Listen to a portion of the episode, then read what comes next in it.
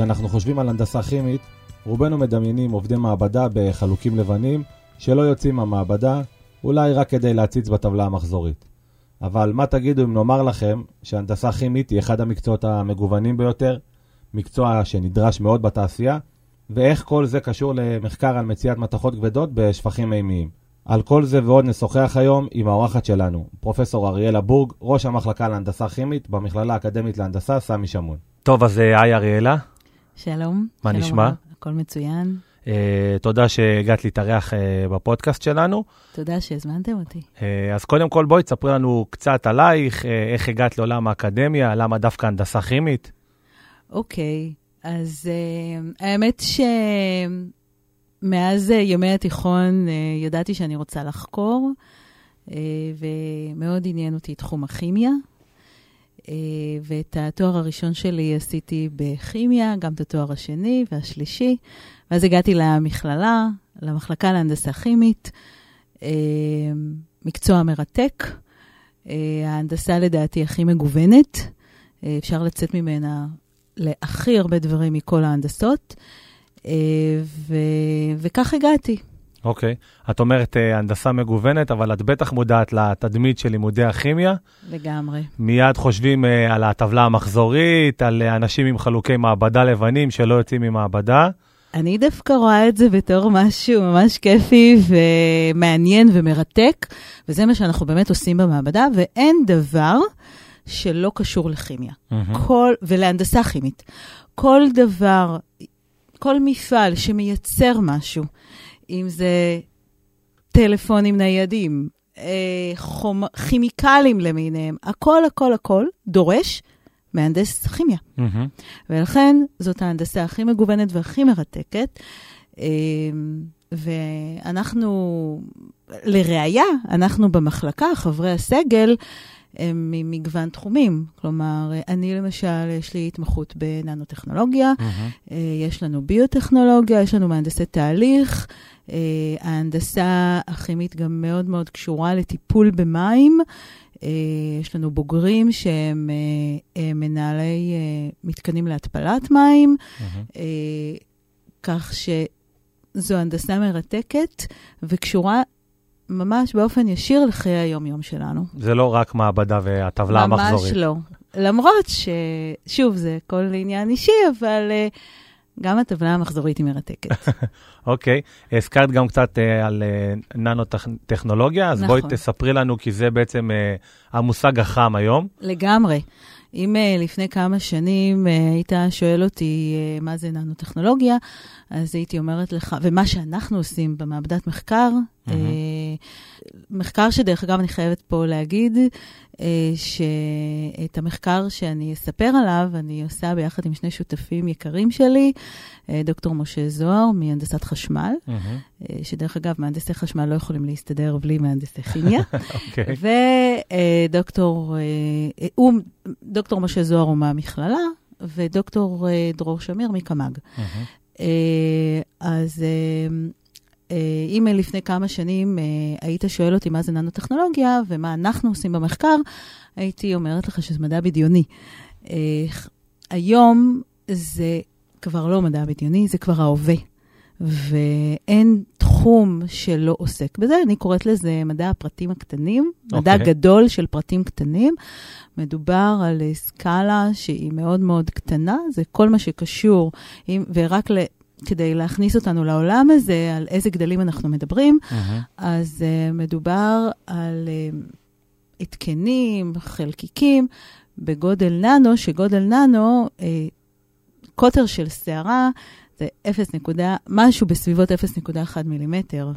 ואנחנו מדברים על משהו הרבה הרבה הרבה יותר קטן מזה, מיליונית יותר קטן מזה. אוקיי. Okay. אז uh, uh, זה 10 בתשיעית מהמטר. איך הטכנולוגיה הזו פוגשת אותנו בחיי היום-יום? אפילו uh, בטלפון הנייד שלנו, המעבד הוא בגודל כזה. כלומר, היום העולם הולך לכמה שיותר קטן, שזה גודל ננומטרי, עם, ולהכיל כמה שיותר מידע. Mm-hmm. זאת אומרת, אפילו בטלפון הנייד, שזה, כולנו מסכימים שזה יומיומי, זה פוגש אותנו שם. אוקיי. Okay. בסדר, אז, המח... אז אנחנו בואי בוא בעצם נדבר על המחקר שלך, שהוא עוסק, שהוא עוסק בטיפול במתכות כבדות שנמצאות בשפכים מימיים. אז קודם כל, ספרי לנו קצת מהן מתכות כבדות, ואחר כך גם, את יודעת, תרחיבי קצת על המחקר. אוקיי. Okay. אז גם מתכות כבדות, הן אה, פוגשות אותנו בחיי היום-יום. Mm-hmm. אה, כל מה שקשור לטיפול בקורוזיה, אה, ציפויים של מתכות, מתכות כבדות הן למשל כספית, קדיום, ניקל, אה, אה, אבץ, עופרת. אה, אז אלו, אלו מתכות כבדות. הן רעילות okay. אוקיי. מאוד, והבעיותיות איתן שהן לא מתכלות. כלומר, אז המחקר שלי עוסק בשני דברים עיקריים. בשני נושאים. אה, אחד זה הטיפול במתכות, אה, במתכות כבדות, שאנחנו עושים את זה גם בשיטה מיוחדת, וה, אה, והזיהוי של המתכות הכבדות והכמות שלהם לאחר הטיפול. כשלמעשה כל זה נובע מהעובדה, יש עלייה מאוד מאוד גדולה, כמו שאנחנו יודעים. קצב גידול האוכלוסייה הוא מאוד מאוד גדול, mm-hmm. ואיתו גם קצב הצריכה של המזון, המים, האנרגיה. אה, ויש עוד פרט שולי קטן, שעם קצב הצריכה עולה גם קצב ייצור הפסולת. אוקיי. Okay. וה, אה, ולכן, אה, ופסולת הזאת יכולה להגיע אלינו למקורות המים. אוקיי. Okay. ולכן הצורך, מכאן בא הצורך uh, לטפל במת... ב... במים. עכשיו... איך הן בעצם מגיעות למים? זה, בעיק... אני בעיקר מתעסקת uh, ב... uh, בפסולת שמגיעה מייצור תעשייתי. אוקיי. Okay. כמו שכבר אמרנו, uh, מתכות כבדות הן, למשל קדיום, משתמשים בזה לטלפונים mm-hmm. ניידים, אז uh, לסוללות, סליחה. כן. אז... Uh, uh, אה, זה פוגש אותנו בחיי היום-יום, ולכן זה בעיקר פסולת אה, תעשייתית, שמגיעה אלינו, היא עשויה להגיע למקורות המים, ולכן יש צורך לטפל. בעצם אנחנו לא, אנחנו, אנחנו צריכים את המתכות הכבדות ל, אנחנו גם לשימושים. צריכים את המתכות הכבדות לשימושים שלנו, אבל מצד שני... הן רעילות. הן רעילות, mm-hmm. והן רעילות בריכוזים מאוד מאוד קטנים של אחד חלקיק. למיליארד חלקיקים של מים. Okay. אוקיי. כלומר, זה נקרא uh, PPB, parts per billion. ומהכמות uh, הזו הן רעילות. הן עשויות להיות רעילות, mm-hmm. ולכן חשוב מאוד לדעת לטפל בהן. ואם אפשר, רצוי לא רק לטפל במים, אלא גם למחזר את המתכות האלה לשימוש חוזר.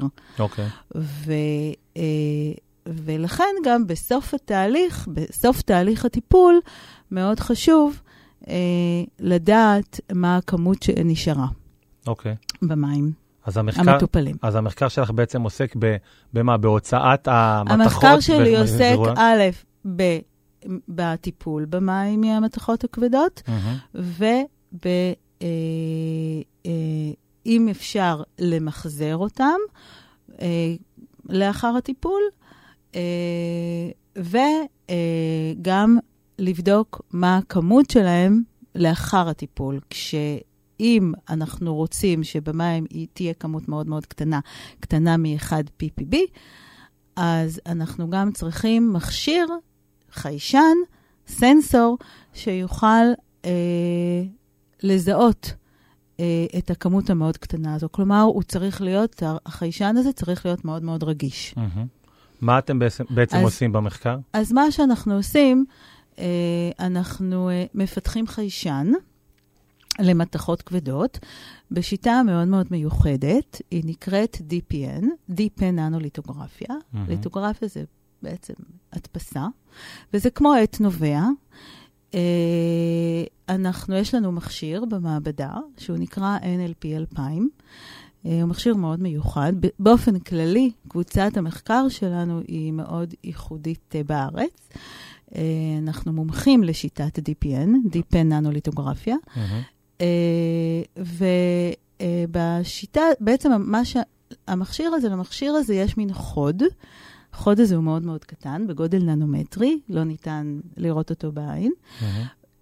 והחוד הזה מגיע לתוך בארית, שהיא מלאה בדיו. אה, אפשר לדמיין את זה כמו מדפסת בבית, שיש לה אה, כמה אה, צבעים. אז לנו יש כמה סוגי דיו. אוקיי. Okay. הסוגים השונים של הדיו נבדלים בהרכב שלהם, ומה ש... מה שאנחנו בעצם משנים אה, בכל אחד מסוגי הדיו, אה, אנחנו מכניסים תרכובות שמשמשות מלכודות למתכות כבדות. ובכל דיו, בכל סוג דיו, יש מלכודת אחרת למתכת כבדה מסוימת. Mm-hmm. אנחנו, החוד שמחובר למכשיר, הוא הולך לבארית, לוקח משם דיו, שוב, בכמות מאוד מאוד קטנה, ומביא אותו למשטח מוליך. אוקיי. Okay. הזיהוי שלנו, של המתכות הכבדות, הוא בשיטה אה, חשמלית. זאת אומרת, אנחנו מקבלים איזשהו סיגנל חשמלי שאומר לנו מה הכמות של המתכות הכבדות וגם איזה מתכת. זאת אומרת שאנחנו לוקחים את הדיו ומדפיסים אותו על משטח מוליך, ואנחנו בעצם מדפיסים נקודות מאוד מאוד קטנות. זה לא נקודות, אבל אנחנו גם לא רואים אותן בעין, הן mm-hmm. נקודות ננומטריות, גודל שלהן הוא ננומטרי, ו, אה, אה, ובכל אה, אה, נקודה כזו, אנחנו קוראים לזה צבר ננומטרי, אה, יש אה, תרכובת, כלומר מלכודת, למתכת כבדה מסוימת. כאשר אה, בסוף התהליך יש לנו משטח עם צברים ננומטרים שיכולים לזהות אה, מתכות כבדות. אז אתם בעצם יכולים לזהות גם כמה מתכת ו- ואיזה סוג. ומה שזה נותן זה שכאשר אה, המשטח הזה מוכן, אנחנו מכניסים אותו למכשיר ומטפטפים עליו טיפה של התסנין של הדוגמה הנבדקת. Mm-hmm. ומה שיוצא לנו זה מי, איזה, אילו מתכות כבדות נמצאות בתוך התסנין הזה, המימי, ומה הכמות שלהם. הייחוד הוא לזהות בכמויות מאוד מאוד קטנות מספר מתכות כבדות בו זמנית. ולמה אנחנו יכולים לעשות את זה? כי הנקודות האלה שאנחנו מדפיסים, הייחודיות בעצם של המכשיר, שאנחנו מסוגלים בעזרתו להדפיס נקודות בגודל ננומטרי, ואז שטח הפנים הוא מאוד מאוד גדול. Okay. אוקיי. ו- ולכן זה מאפשר זיהוי מאוד מאוד רגיש של כמות מאוד קטנה של מתכת כבדה. Okay. אוקיי. זה בעצם חיסכון, כי אנחנו בעצם ממחזרים את המתכות הכבדות נכון, לשימוש חוזר. נכון, אז אנחנו גם... יש כמו פן, פן כלכלי. נכון, לגמרי. אנחנו גם יכולים למחזר את המתכות הכבדות. אה, למעשה, אנחנו גם יודעים באיזה רמת ניקיון המים שלנו לאחר הטיפול, mm-hmm. ואנחנו אה, אה, גם אה, יודעים מה הכמות של המתכות שנשארה במים, ואז אנחנו בעצם גם יודעים מה, מה איכות המים, למה הם מתאימים לשימוש לאחר הטיפול. אז לחלוטין יש פה את כל העניין של מחזור. ו- ויש פה פן כלכלי, כן. ברור. ואת כל זה אנחנו עושים בשיטה שהיא גם כלכלית, כי לצורך החיישן הזה אנחנו צריכים כמות מאוד מאוד קטנה של מלכודות, של התרכובות mm-hmm. האלה, שלוקדות את המתכות הכבדות.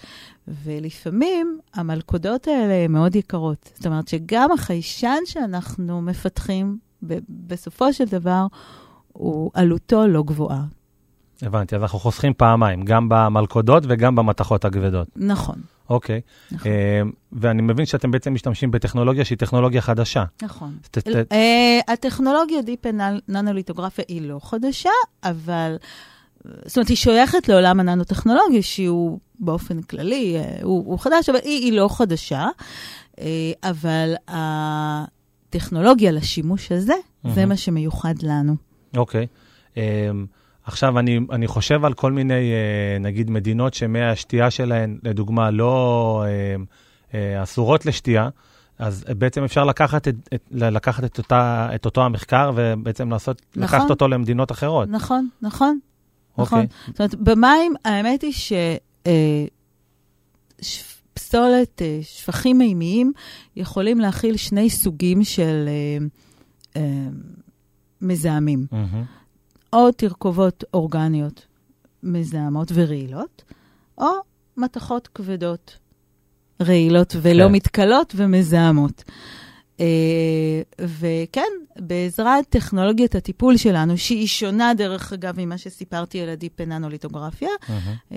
אנחנו יכולים לטפל גם בתרכובות האורגניות הרעילות וגם במתכות הכבדות.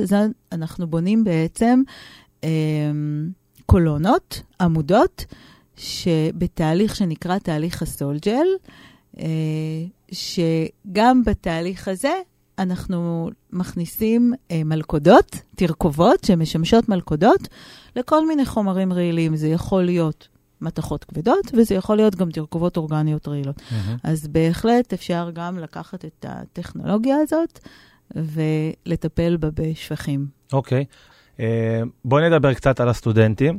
בשמחה. Uh, קודם כל, אה, תספרי לי קצת על, ה, על תחומי העניין שלהם, מה הם רוצים לחקור, מה הם אוהבים ללמוד. אוקיי, okay, אז גם הסט, הסטודנטים, כמו שההנדסה הכימית היא מאוד מגוונת, אז גם הסטודנטים שלנו מאוד מגוונים ומאוד מיוחדים. סטודנט שמגיע ללמוד הנדסה כימית, הוא בא מכוון לזה. זאת אומרת, mm-hmm. אם אנחנו פוגשים בהנדסות אחרות התלבטות, אז פה הסטודנטים מגיעים כי, אלינו כי הם רוצים ללמוד הנדסה כימית. אה, ולנו במחלקה יש שלושה אה, מסלולים. אה, הנדסה תהליכית, תעשייה תהליכית, סליחה, ביוטכנולוגיה וננו-טכנולוגיה. ו... ולאחר השנה, בשנתיים הראשונות הסטודנטים לומדים את מקצועות הליבה, זה עולם, אה, מאוד, זה עולם חדש להם, ההנדסה הכימית, זו שפה חדשה mm-hmm. שהם צריכים ללמוד אותה, ולכן הם עושים מבואות בהנדסה כימית ולומדים את, את uh, קורסי הליבה, פיזיקה, מתמטיקה וכן הלאה, שיכינו אותם לשנתיים שלאחר מכן. ובתום השנתיים הם יכולים לבחור מסלול, שוב, מתוך uh, שלושת המסלולים הקיימים. Uh, ובסוף בסוף הלימודים, בשנה האחרונה, הם עושים אה, פרויקט גמר. הפרויקט גמר יכול, אה, הם יכולים לעשות אותו או בתעשייה, כדי להרגיש איך הם, בעצם לדעת מה זה, מהו תפקידו של המהנדס אה, התהליך, mm-hmm. המהנדס כימיה. הם בעיקר עושים את זה במפעלים פה בסביבה. אה, או שהם עושים את הפרויקט גמר שלהם, אה, פרויקט מחקרי, במעבדות המחקר במחלקה. אנחנו מחלקה אה, עם חברי סגל חוקרים, אנחנו מחלקה חזקה מאוד במחקר, ו, וחוקרים במגוון רחב של תחומים. אה, ביוטכנולוגיה, ננו-טכנולוגיה, תעשייה תהליכית, הרבה הנדסה ירוקה, mm-hmm. כאשר אה, מי שעושה פרויקט גמר במחלקה, אצל אחד המנחים, חברי הסגל במחלקה, הוא חווה מה זה מחקר. ויכול אחרי זה להמשיך גם למחקר. יש לנו תואר שני בהנדסה ירוקה עם תזה. זה משהו חדש. אנחנו, דרך אגב, היינו המכללה הראשונה שקיבלה אישור לתואר שני עם תזה. Mm-hmm. והמשמעות של זה, קודם כל, בזה שקיבלנו בכלל את האישור הזה, זה שאנחנו מחלקה חזקה במחקר. Uh, ו... אז מי שעושה תואר, מי שבוחר לעשות את פרויקט הגמר שלו בשנה האחרונה במחקר, להשתלב באחת ממעבדות המחקר אצל אחד מחברי הסגל, הוא תואם מה זה מחקר, אה, אז אה, הרבה מאוד בוחרים בזה, mm-hmm. והם בוחרים בזה בגלל הסקרנות. גם הם כנראה בעבר שלהם, עוד בתיכון, אה, חשבו להיות חוקרים עם חלוקים לבנים, זה לא הרתיע אותם. כן. אוקיי, אז לפני סיום, רק דיברת על הנדסה ירוקה. זה, זה הכיוון, לשם, לשם אנחנו הולכים. לשם אנחנו בהחלט הולכים. היום אין מפעל שלא, אין לו מחלקה של איכות הסביבה וקיימות, על מנת, קודם כל, לפתח תהליכים שייצרו פחות פסולת, זה mm-hmm. קודם כל, כי אנחנו חייבים לפתח תהליכים, אנחנו חייבים להמשיך לייצר, אבל היום המפעלים הולכים אה, לכיוון של פיתוח תהליכים ירוקים יותר, והמשמעות של זה אה, מחזור פחות ופחות, אה, ייצור פחות פסולת. והדבר הנוסף הוא לפתח שיטות, אה, הרי בכל זאת, בכל תהליך נוצר אה, נוצרת פסולת, אז לאחר סיום התהליך אה, פיתוח, פיתוח שיטות לטיפול בפסולת. כן, בעצם ההבנה הזו שאי אפשר להפסיק לייצר, אבל פשוט אפשר לנסות לצמצם את גם הפסולת. גם לצמצם את הפסולת, וגם אחרי זה לדעת לטפל בה במידה והיא נוצרת, כמו שאנחנו בדיוק, עושים, למשל המחקר. במעבדת המחקר. אה, שלי. אה, ו... אה, ובהחלט, העולם, העולם לא הולך לשם, העולם כבר שם. כן. כלומר, זה ברור שאי אפשר בלי זה, ומכאן החשיבות של מהנדס הכימיה. טוב, אז בנימה אופטימית זו, אה, פרופסור אריאלה בורג, ראש המחלקה להנדסה כימית במכללה האקדמית סמי שמון. היה מעניין מאוד, אני רוצה להודות לך על השיחה הזו. תודה רבה שהזמנתם. ואתם מאזינים כמובן יותר ממוזמנים להאזין לפרקים הנוספים שלנו, ונשתמע בפרק הבא.